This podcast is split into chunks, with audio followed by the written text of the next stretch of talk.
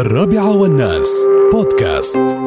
هنا الأخت آه، عايشة إبراهيم سلطان في آه، جريدة آه، البيان كاتبة عن عن الصيف الصاخن ولكن يقول والسبب تقول ما بحرارة الجو.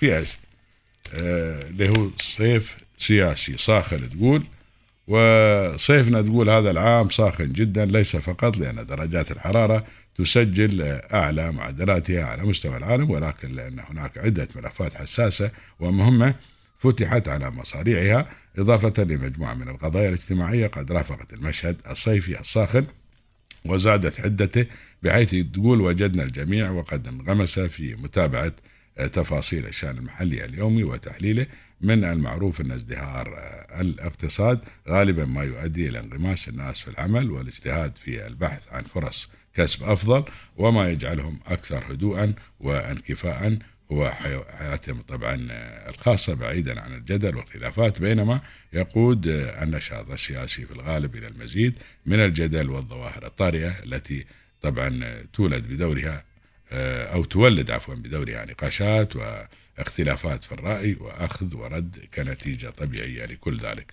لقد ولدت طبعا الحملات الانتخابية للأعضاء المترشحين لعضوية المجلس الوطني الاتحادي ولدت عفوا نقاشات واختلافات حادة أما على البرامج, الانتخابية وأما على صعيد أداء المرشحين ودرجة وعيهم السياسي الأمر الذي تسبب في كل طبعا اللغط الذي آه، ثار خلال الأسابيع الماضية من شاكلة قيام إحدى المرشحات للمجلس آه، طبعا باقتباس نص الدعاية الانتخابية لمرشحة مجلس الشورى العماني وقيام واحدة أخرى بتقديم برنامج انتخابي يقوم على تعدد الزوجات كعلاج للعنوسة وهو علاج يائس بلا شك. وبالفعل هذا تعدد الزوجات للقضاء على العنوسة هذا يعني بالفعل علاج بائس ما بعلاج هذا.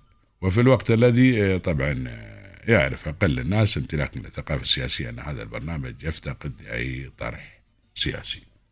بالفعل. ما يخص في السياسة. أبدا أبدا أبدا. فهني آه، تقول صيفنا أصبح أكثر سخونة مع إطلاق صاحب السمو الشيخ محمد بن راشد المكتوم نائب رئيس الدولة رئيس مجلس الوزراء حاكم دوي حفظه الله ورعاه لرسائله القوية للمسؤولين في الدولة عن جملة ملفات أصبحت تشكل عبئا حقيقيا على استراتيجية الدولة وتطلعاتها وأهمها التوطين ومفهوم الخدمة الحكومية ورضا المواطنين الذي تجلى في أكثر من صورة شفافية ووضوحا بإعلان قائمة بأفضل وأسوأ خمس مراكز خدمية حكومية على مستوى الإمارات وما تلا الإعلان من قرارات حازمة من قبل آه، سمو. الله يبارك فيه ويطول عمره إن شاء الله يا رب.